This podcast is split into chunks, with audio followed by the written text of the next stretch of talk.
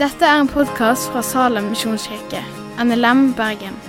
For mer informasjon om Salem, gå inn på salem.no.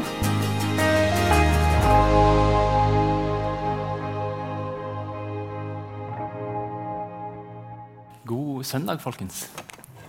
Kjekt å se dere. Sånn helt, helt oppriktig. Det er, det er, så gøy å være i Salem igjen. Og jeg håper disse nedstengingene er ferdig. Um, sånn en gang for alle snart. Um, I dag uh, en ny taleserie som jeg får lov til å være med å starte. Gamle testamenter. Veldig veldig gøy. Jeg tror vi skal egentlig bare hoppe rett i det og lese teksten. Um, det er ganske mye tekst. Fordi at vi skal lese rett og slett skapelsesberetningen sånn vi finner den i Første Mosebok, i kapittel 1. Eh, og til og med eh, 2 vers 3. Eh, så hvis vi er heldige, så, Eller hvis, hvis, vi er heldige Tommy er jo på skjermen, selvfølgelig så får vi det til. Vi får eh, teksten på skjermen, trygg. Um, ja. Jeg har samme oversettelse som dere, så jeg leser uten at det forstyrrer. I Jesu navn. I begynnelsen skapte Gud himmelen og jorden. Jorden var øde og tom. Mørket lå over dypet, og Guds ånd svevde over vannet. Da sa Gud, 'Det skal bli lys.' Og det ble lys. Gud så at lyset var godt, og Gud skilte lyset fra mørket. Han kalte lyset dag, og mørket kalte han natt. Og det ble kveld, og det ble morgen første dag. Gud sa det skal bli en hvelving midt i vannet. Den skal skille vann fra vann Gud laget hvelvingen og skilte vannet som er under hvelvingen, fra vannet som er over hvelvingen. Og det ble slik. Gud kalte hvelvingen himmel, og det ble kveld, og det ble morgen andre dag. Gud sa vannet under himmelen skal samle seg på ett sted.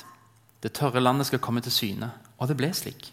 Gud kalte det tørre landet jord, og vannet som hadde samlet seg, kalte han hav, og Gud så at det var godt. Gud sa jorden skal bli grønn, Grønne vekster skal gro på jorden, planter som setter frø, og frukttrær som bærer frukt med frø i, av alle slag. Og det ble slik. Jorden bar fram grønne vekster, planter som setter frø av alle slag, og trær som bærer frukt med frø i av alle slag. Og Gud så at det var godt, og det ble kveld, og det ble morgen tredje dag. Gud sa det skal bli lys på himmelhvelvingen for å skille dag fra natt. De skal være tegn for høytider, dager og år. Det skal være lys på himmelhvelvingen og skinne over jorden. Og det ble slik. Gud laget de to store lysene. Det største lyset til å herske over dagen og det minste lyset til å herske over natten. Og stjernene. Gud satte dem på himmelhvelvingen til å lyse over jorden. Til å herske over dagen og over natten og til å skille lyset fra mørket. Og Gud så at det var godt, og det ble kveld, og det ble morgen fjerde dag. Gud sa, vannet skal myldre av levende skapninger. Fugler skal fly over jorden, under himmelhvelvingen. Og Gud skapte de store sjødyrene og hver levende skapning av alle slag som vannet kryr og myldrer av, og alle slags fugler med vinger. Og Gud så at det var godt. Gud velsignet dem og sa, Vær fruktbare og bli mange og fyll vannet i havet. Og fuglene skal bli mange på jorden. Og det ble kveld, og det ble morgen femte dag. Gud sa, Jorden skal bære fram alle slags levende skapninger. Fe, kryp og ville dyr av alle slag. Og det ble slik. Gud laget alle slags ville dyr og alle slags fe og alle slags kryp på marken, og Gud så at det var godt. Og Gud sa, la oss lage mennesker i vårt bilde, så de ligner oss. De skal råde over fisken i havet og fuglene under himmelen, over fe, over alle ville dyr og alt krypet som det kryr av på jorden. Og Gud skapte mennesket i sitt bilde. I Guds bilde skapte han det, som mann og kvinne skapte han dem. Gud velsignet dem og sa til dem, vær fruktbare og bli mange. Fyll jorden og legg den under dere. Dere skal råde over fisken i havet, over fuglene under himmelen, over alle dyr som det kryr av på jorden. Og Gud sa, se, jeg gir dere alle planter som setter frø, alle som finnes på hele jorden, og alle trær som bærer frukt med frø i. Det skal dere ha å spise. Og til alle dyr på jorden og alle fugler under himmelen, til alt som kryper på jorden, alt som har livsånd i seg, gir jeg alle grønne planter å spise. Og det ble slik. Gud så på alt han hadde gjort, og se, det var svært godt. Og det ble kveld, og det ble morgen sjette dag. Så var himmelen og jorden fullført med hele sin hær. Den 20. dagen fullførte Gud det arbeidet han hadde gjort, og den 20. dagen hvilte han fra hele det arbeidet han hadde gjort. Gud velsignet den syvende dagen og helliget den. For den dagen hvilte han fra hele sitt arbeid, det som Gud hadde gjort da han skapte. Herre Far, Jeg ber om at du kan åpenbare deg for oss gjennom den teksten eh, og gjennom det jeg prøver å forklare. Må Din Hellige Ånd brenne fast i våre hjerter det som er sannhet fra deg, og som kan gi tro til oss, og som kan skape lys og glede og liv i våre liv herfra. Amen. Denne teksten jeg tror det, For meg så har jeg liksom landa på at jeg tror ikke denne teksten her prøver å fortelle noe om hvordan universet er bygd opp, eller hvordan ting fungerer i verden. i universet. Første Mosebok er ikke først og fremst historien og vitenskapen bak universet. Men jeg tror det er starten på åpenbaring av skaperen. Den forteller oss noe om hvem er det som har skapt Hvem er denne guden som har skapt universet. Han har gitt oss denne boka her for at vi skal få vite hvem han er. For at vi skal bli kjent med han, for at vi skal lære å stole på han, og dermed liksom legge våre liv i hans hender og si jeg tror at dette er det beste for meg. I tid og evighet. Og jeg tror Dette kapittelet er liksom det første der Gud kommer på banen, og Bibelen vil vise oss hvem er denne Gud vi tror på. Hvem, hvem er det som handler i Bibelen? Hvem, hvem handler denne, denne, boka om? Det er introduksjonen, der Gud kommer på banen, og Bibelen åpenbarer. Så hvordan er denne guden vår, da? Han er en gud som kan komme til mørket, til dypet, til kaoset, til tomheten. Og der han med sin hellige ånd kan skape lys, orden, mening. Der det før var kaos, der det før var mørke, så kommer Gud med, med sitt ord. Bli lys, og lyset til tjeneste Gud. Her jeg. Hva vil du? Og så ordner Gud tomheten, mørket og kaos ordner det om til noe vakkert. Gud begynner med å jobbe sånn at kaos og mørke får en orden. Vann her, land der. Han begynte å skape planter, ikke sånn engangsplanter eller plastikk, men, men, planter som har liv i seg til å spire ny, nye planter. Frø som frør seg, står det i grunnteksten. Så det har liv i seg, som formerer seg, som vokser. Og han skaper energi i form av lys, sol, ordner med arbeid for tid og hvile. Dag og natt, uke og hviledag. Han skaper liv. Jorden er ikke lenger mørk. Ligger ikke i dypet, men plutselig er det blitt land, og tomheten begynner å fylles med, med liv, med relasjoner, med fugler og sjødyr. Ikke bare, ikke bare dyr som lever og dør, men som har i seg livet til å formere, til å skape noe nytt. Og så kommer landdyra. Elefanten, kenguruen, pangolinen, flaggermus et mylder av liv. Og Gud så dette her var overmåte godt. Dette er fantastisk. Og at det er godt, det betyr yes, dette tjener formålet. At det er godt, betyr at Gud hadde et formål. Gud elsker å komme til mørket, til kaos, til tomheten. Og komme inn og skape lys og mening han elsker å skape liv, han elsker å ordne i kaos. Det er som Gud Ja, dette liker jeg. Fantastisk. Og Første Mosebok forteller oss om en Gud som skaper orden av kaos, lys av mørke, intensjon i tomheten. Og det er et budskap som for de som hørte det, sendte store sjokkbølger. egentlig. De, de aller første som, som, tok denne teksten og fikk, fikk den opplest, hørte teksten, så var det egentlig et sånt sjokk. Fordi I kulturene rundt Israel på den tida var det vanlig å tro at naturen det var guder. Altså, alt som skjedde i gudeverden, det speila seg i vår natur. Det at årstidene kom hvert år, det var et bevis på at guden Bal hadde slått Måt, altså dødsguden, i kamp. Og For at han vant, så sørga Bal for at høsten kom. Og han befrukta jorda med regn. Det var Bal som vant. Han vant enda en gang. Enda et år. Høsten kom igjen. Bal vant. Hele verdensforståelsen var preget av at guder fødte barn, og de krangla, de vant kamper, de tapte kamper, og hver hendelse i gudeverden fikk en ting til å skje på jorda. Ikke noe mening bak, det var bare tilfeldig. Sånn var det i gudeverden, og så skjedde noe på jorda. Det var bare sånn ah, ok, vi får bare ta det vi får. Sånn var det. Verden var bare tilfeldig ut fra hva skjedde i gudeverden. De Gudene brydde seg ikke om mennesker. Det var bare, bare noe som skjedde.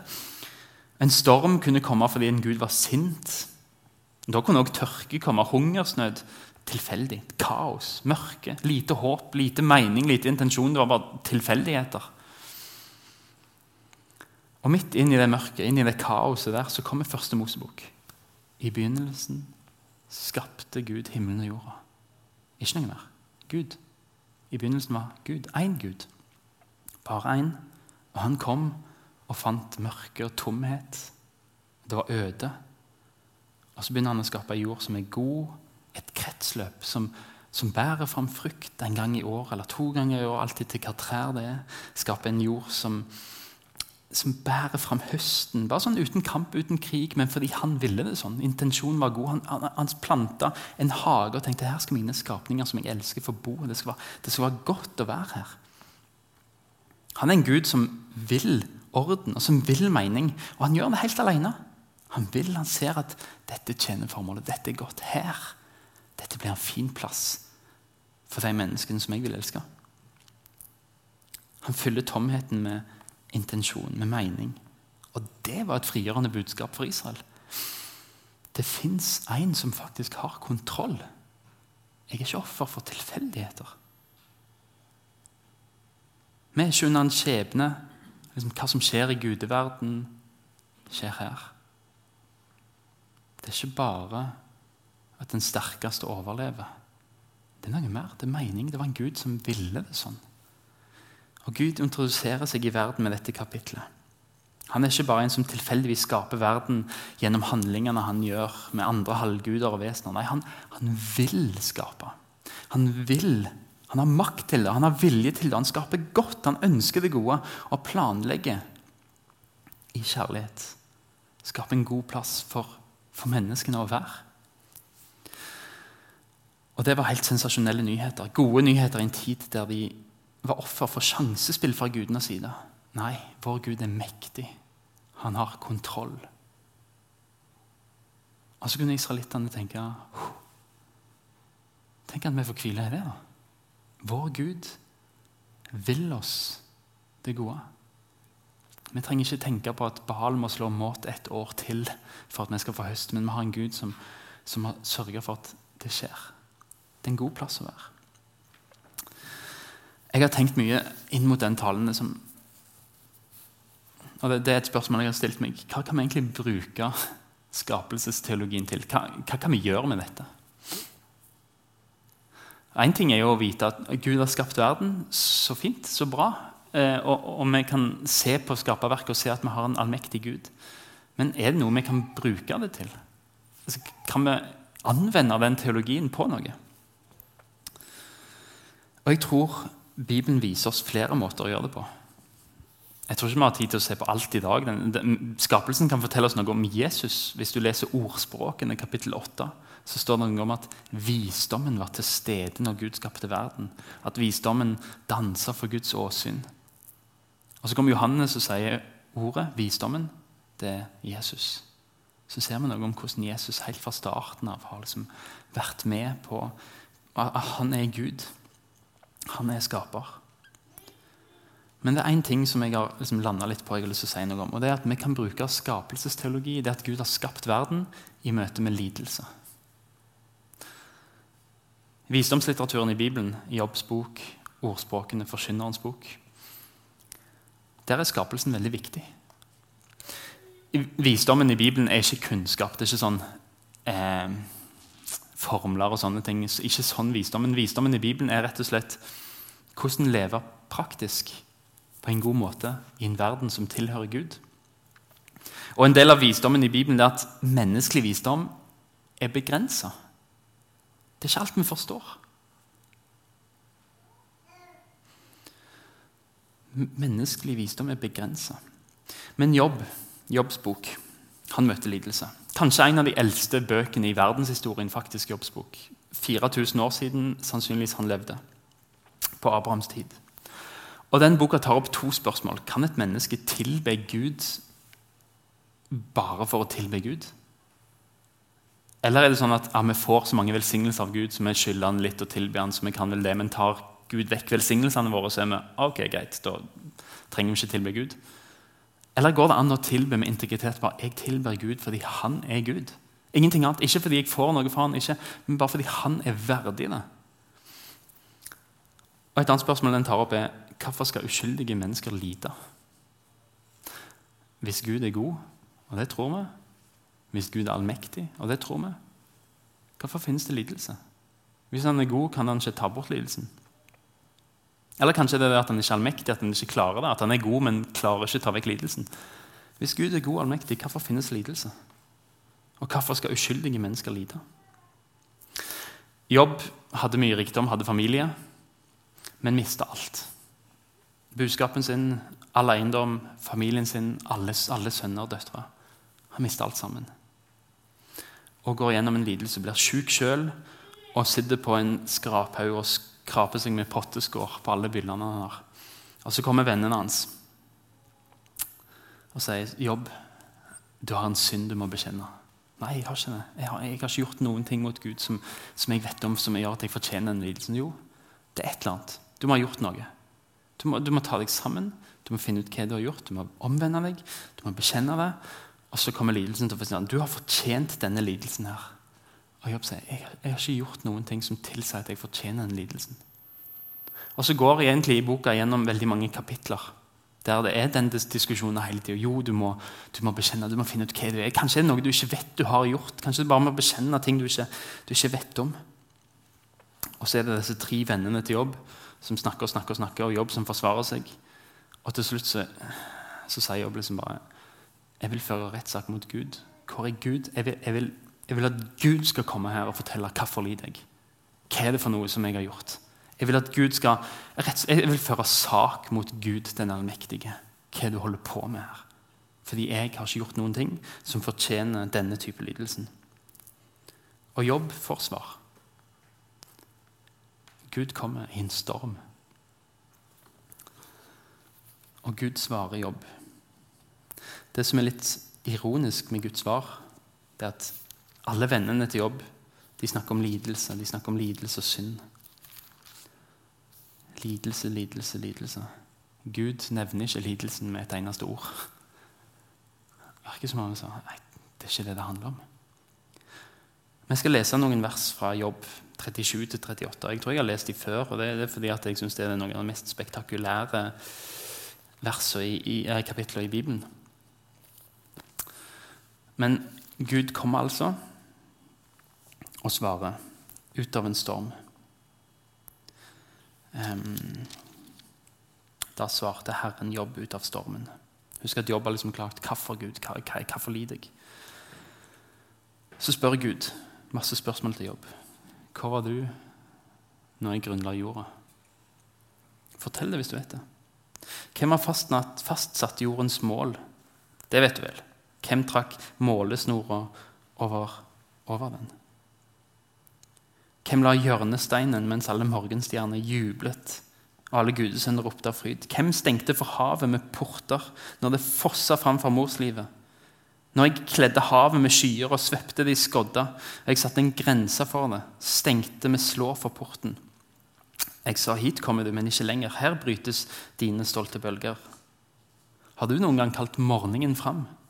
Eller vist morgenrødens den sted så den tar, tar tak i jordens ender og rister de lovløse bort. Forstår du viddene på jorda? Si fra hvis du kjenner alt dette. Hvor går veien til lysets bolig, og hvor holder mørket til? Har du nådd fram til snøen sitt kammer?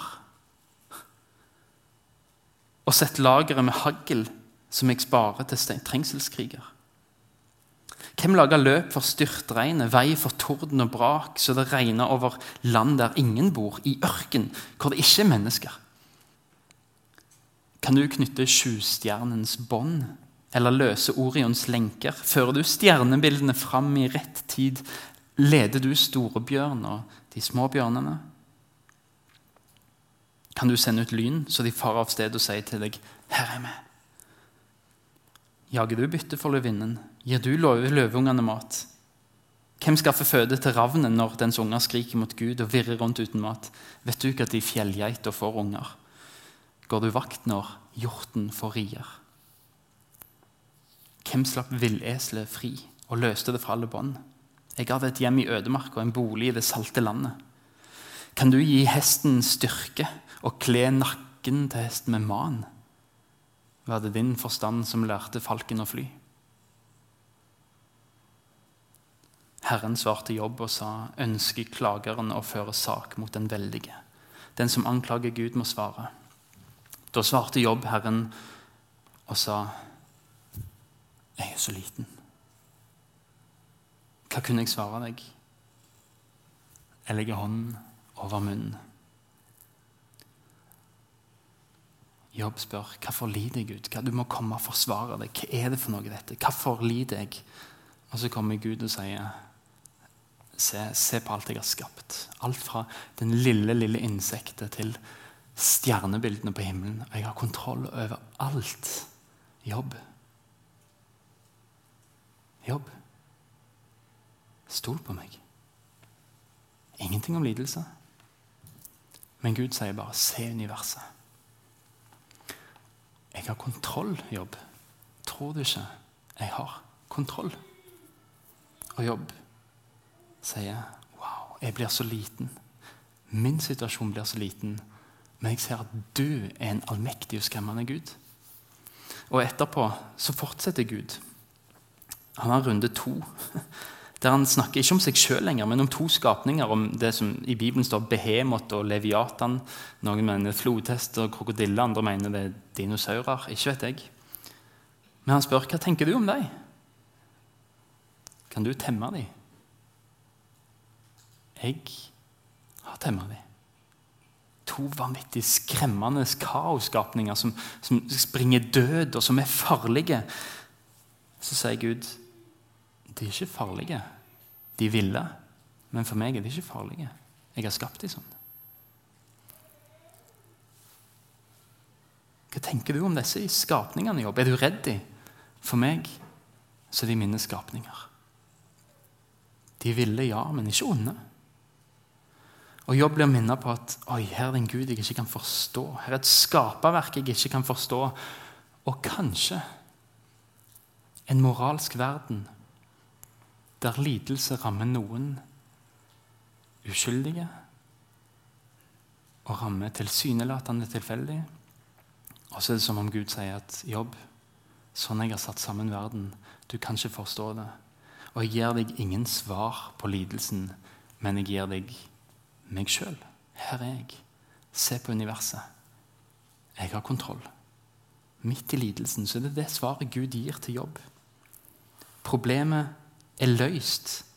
Han har ikke fått svar, men han har fått en allmektig Gud som er nær. Og skapelsen viser oss det fins en Gud som har mye mer kontroll enn det vi kan innse, tror jeg. Gud kommer, og Det ender med at Jobb trenger ikke svar lenger. Det er freden. Han trenger ikke svaret, men han har Gud. Og Han lander med en sånn tillit til at Gud ga, Gud tok. Herrens navn være lova. Jeg forstår det ikke, men han har kontroll. Jeg vet at han vet svaret. Og når han vet svaret, så kan jeg stole på han, fordi han har virkelig all makt. Gud gir ikke svar på lidelsen, men viser til sin enorme visdom og makt. Og Det kan vi se i skaperverket, sånn som Gud viste Tenk det, da. Gi hesten styrke. Kle hesten, snakke med mannen. Det er Gud som gjør det. Og Gud gir det svaret til jobb for å vise at alt det du ikke har peiling på, det du ikke har kontroll på, det kan jeg. Lidelsen Du har ikke kontroll på den, men jeg har det. Og så skal vi bare egentlig få hvile i tillit. Og Gud leder med visdom. Selv om universet er vilt og farlig, så har Gud kontroll. Farlig for mennesker, men Gud har temma disse kreftene. Og Gud er herre over universet og seierherre. Så jeg tror skapelsesteologien lærer oss noe om at vi kan møte lidelsen med tillit til at universets skaper har kontroll, selv om vi ikke har det. Det er en måte Bibelen bruker skapelsesteologien på. Så vil jeg avslutte med å si at vi kan lære noe om frelsen i skapelsesteologien. Fordi Første Mosebok kapittel 1 er et budskap som du kan ta med deg og leve på resten av livet. Og I kontekst med evangeliet så er det et budskap å dø på, i visshet om at det Gud skaper, er godt. overmåte godt. For jeg tror gjennom Bibelen så, så, kan vi egentlig forstå at Eller vi kan se at egentlig så ligner det universet som, som Gud jobba i helt i starten, det minner litt om meg. Det minner litt om deg. Tomhet, mørke, kaos, et dyp uten noe mening. Åndelig sett så er det den delen av meg som, som lengter etter noe mer enn det jeg kan få her på jord. Den delen av meg som er skapt for noe mer, som ikke finner tilfredsstillelse i noe her, som, som lengter og som aldri får helt oppfyllelse i, i skaperverket, uansett hvor flott og fantastisk det er, så er det liksom Jeg må ha noe mer. Denne tomheten, eller, eller jage etter mening.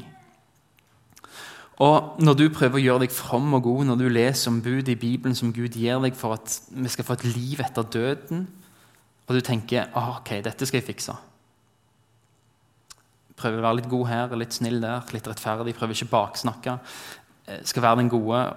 Prøver livet, og så langt vi greier, så oppdager vi at det er egentlig bare mørke. Jeg får det ikke til. Det, det er tomhet, det er mørke. Det er kaos. Jeg, jeg har ikke potensial i meg til å, til å, leve et liv som, som Bibelen krever. Jeg kjenner at ressursene går tomt. Det er mørkt. Alt jeg gjør, ender opp med å være egoistisk og halvhjerta. Og det gode som jeg vil, det gjør jeg ikke, men det vonde som jeg ikke vil, det gjør jeg veldig lett. Hva jeg enn prøver, så, så er det liksom mørke tomhet. I åndelig overført betydning. Men første Mosebok 1 viser at det er sånne som oss, sånne som meg, som, som deg, som er mørke, som er tomhet, som er Guds spesialområde. Han elsker å komme med sitt ord, skape noe nytt. Han elsker å bare komme til en tom plass og begynne å skape mening og liv og glede og lys. Han er den eneste som kan det. I Bibelen er det bare én en eneste person som er subjektet bak verbet 'å skape', og det er Gud. Og for, å, for, at vi skal bli en ny himmel, for at vi skal få plass på den nye jord, nye skaperverket, så, så trenger vi å bli ny skapning. Og det er bare Gud som kan gjøre det. Skape orden i vårt kaos. Jeg har lyst til å, å, bare vise, for, det det når, når evangeliet, eller når, når budskapet om at Jesus tilgir oss, for en som virkelig slår seg ned i hjertene, så, for meg har det bare blitt mer og mer sånn at det er skjønnhet. Og hver gang jeg ser noe som faktisk er vakkert, så minner det meg om at det kan Gud skape i mitt liv. Jeg, kan, jeg, jeg, fortjener det ikke, men Gud kan skape noe veldig vakkert i våre liv. Og Jeg har lyst til å vise dere to filmer. Um, og Vi skal dempe lyset litt, fordi da blir filmene enda litt bedre. Men uh, du kan egentlig bare uh, starte filmene, Tommy. Uh, og den første filmen her, er, eh, som kommer, det er rett og slett Jupiter har flere måneder. Eh, og det som skjer i den første filmen, her, det er at månen Io og Europa går i bane rundt Jupiter.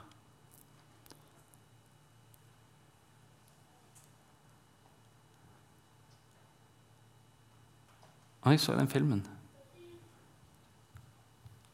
så tenkte jeg det her er jo det, det, er jo helt vakkert. Det, det, er så nydelig. Jeg vet ikke om skjermen gjør det rettferdighet, egentlig, men det er jo sedvanlig vakkert, det Gud har skapt. Gud har skapt skjønnhet. Dette her er en manet som lever på 1200 meters dyp. 1200 meter der 1% av sollyset slipper til. Hvis vi hadde tatt ned blendegardinene og lukket alle dører i Salem, så hadde vi ennå ikke greid å lukke ut 99 av sollyset. Det er helt bekt mørkt nede på havdypet, 1200 meter. Der lever denne maneten. Både månene IO, Europa og Jupiter Vi kan ikke se det med det blotte øyet. Ned på 1200 meter så er det ingen mennesker som skal leve der. Men Gud Gud har skapt skjønnhet bare for skjønnhetens skyld. Altså, det er fantasien til Gud. Ingen skal se dette. Nei, men jeg vil det skal være vakkert. Jeg vil at det skal være vakkert, fordi Gud, det er sånn Gud er. Han, han vil at det skal være vakkert. Og det er usedvanlig. Altså, maneten her bare leve helt alene ned på 1200 meter. Jeg vet ikke hva han gjør engang. Han har et latint navn som han sikkert ikke er enig med. Men det forteller litt om Gud.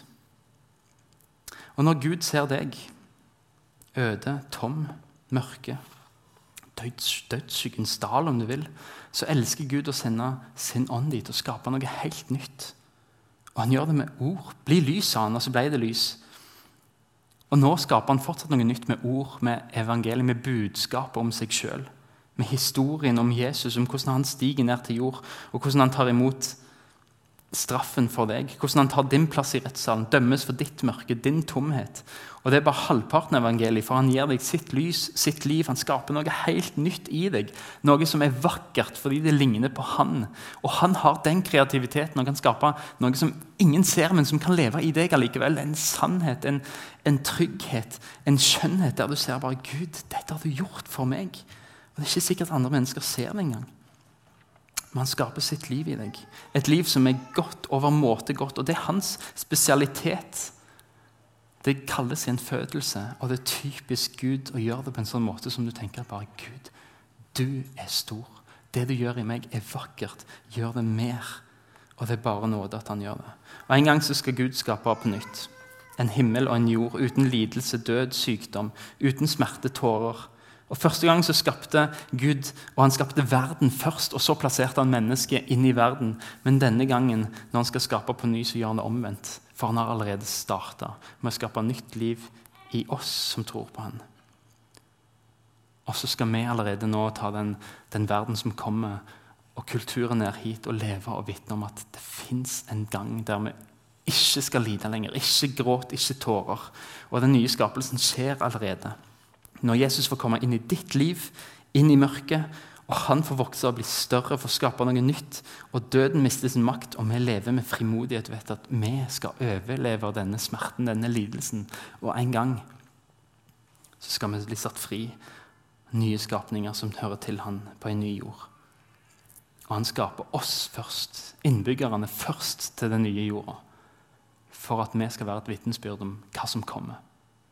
Og den tryggheten i at vi skal skal til himmelen, skal vi få ta med oss hit og bare leve ut blant folk og vise sånn skjønnhet som Gud skaper. I fred, i glede, i tilgivelse, i at skyld og skam ikke får tynge oss ned, men at friheten og gleden får heller løfte oss opp, at vi løfter andre mennesker opp. Johannes' åpenbaring 21. Og jeg så en ny himmel og en ny jord. For den første himmel og den første jord var borte, og havet fantes ikke mer.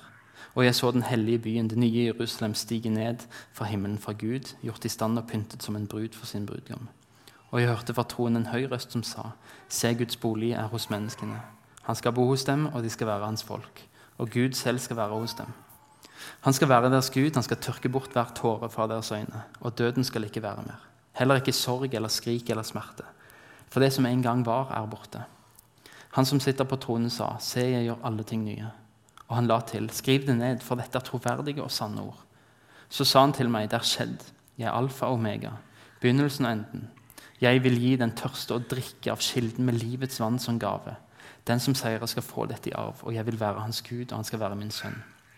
Men de feige, de vantro og vanhellige, de som myrder, driver hor og trolldom, avgudsdyrker og alle løgnere, deres plass skal være i sjøen som brenner med ild og svovel. Det er den annen død. Jeg tror vi skal gi oss der. Det går an å gå hjem og grunne på hvordan kan skapelsen gi oss visshet, frelsesvisshet. Hvis Gud har skapt fjellene i Bergen med sitt ord,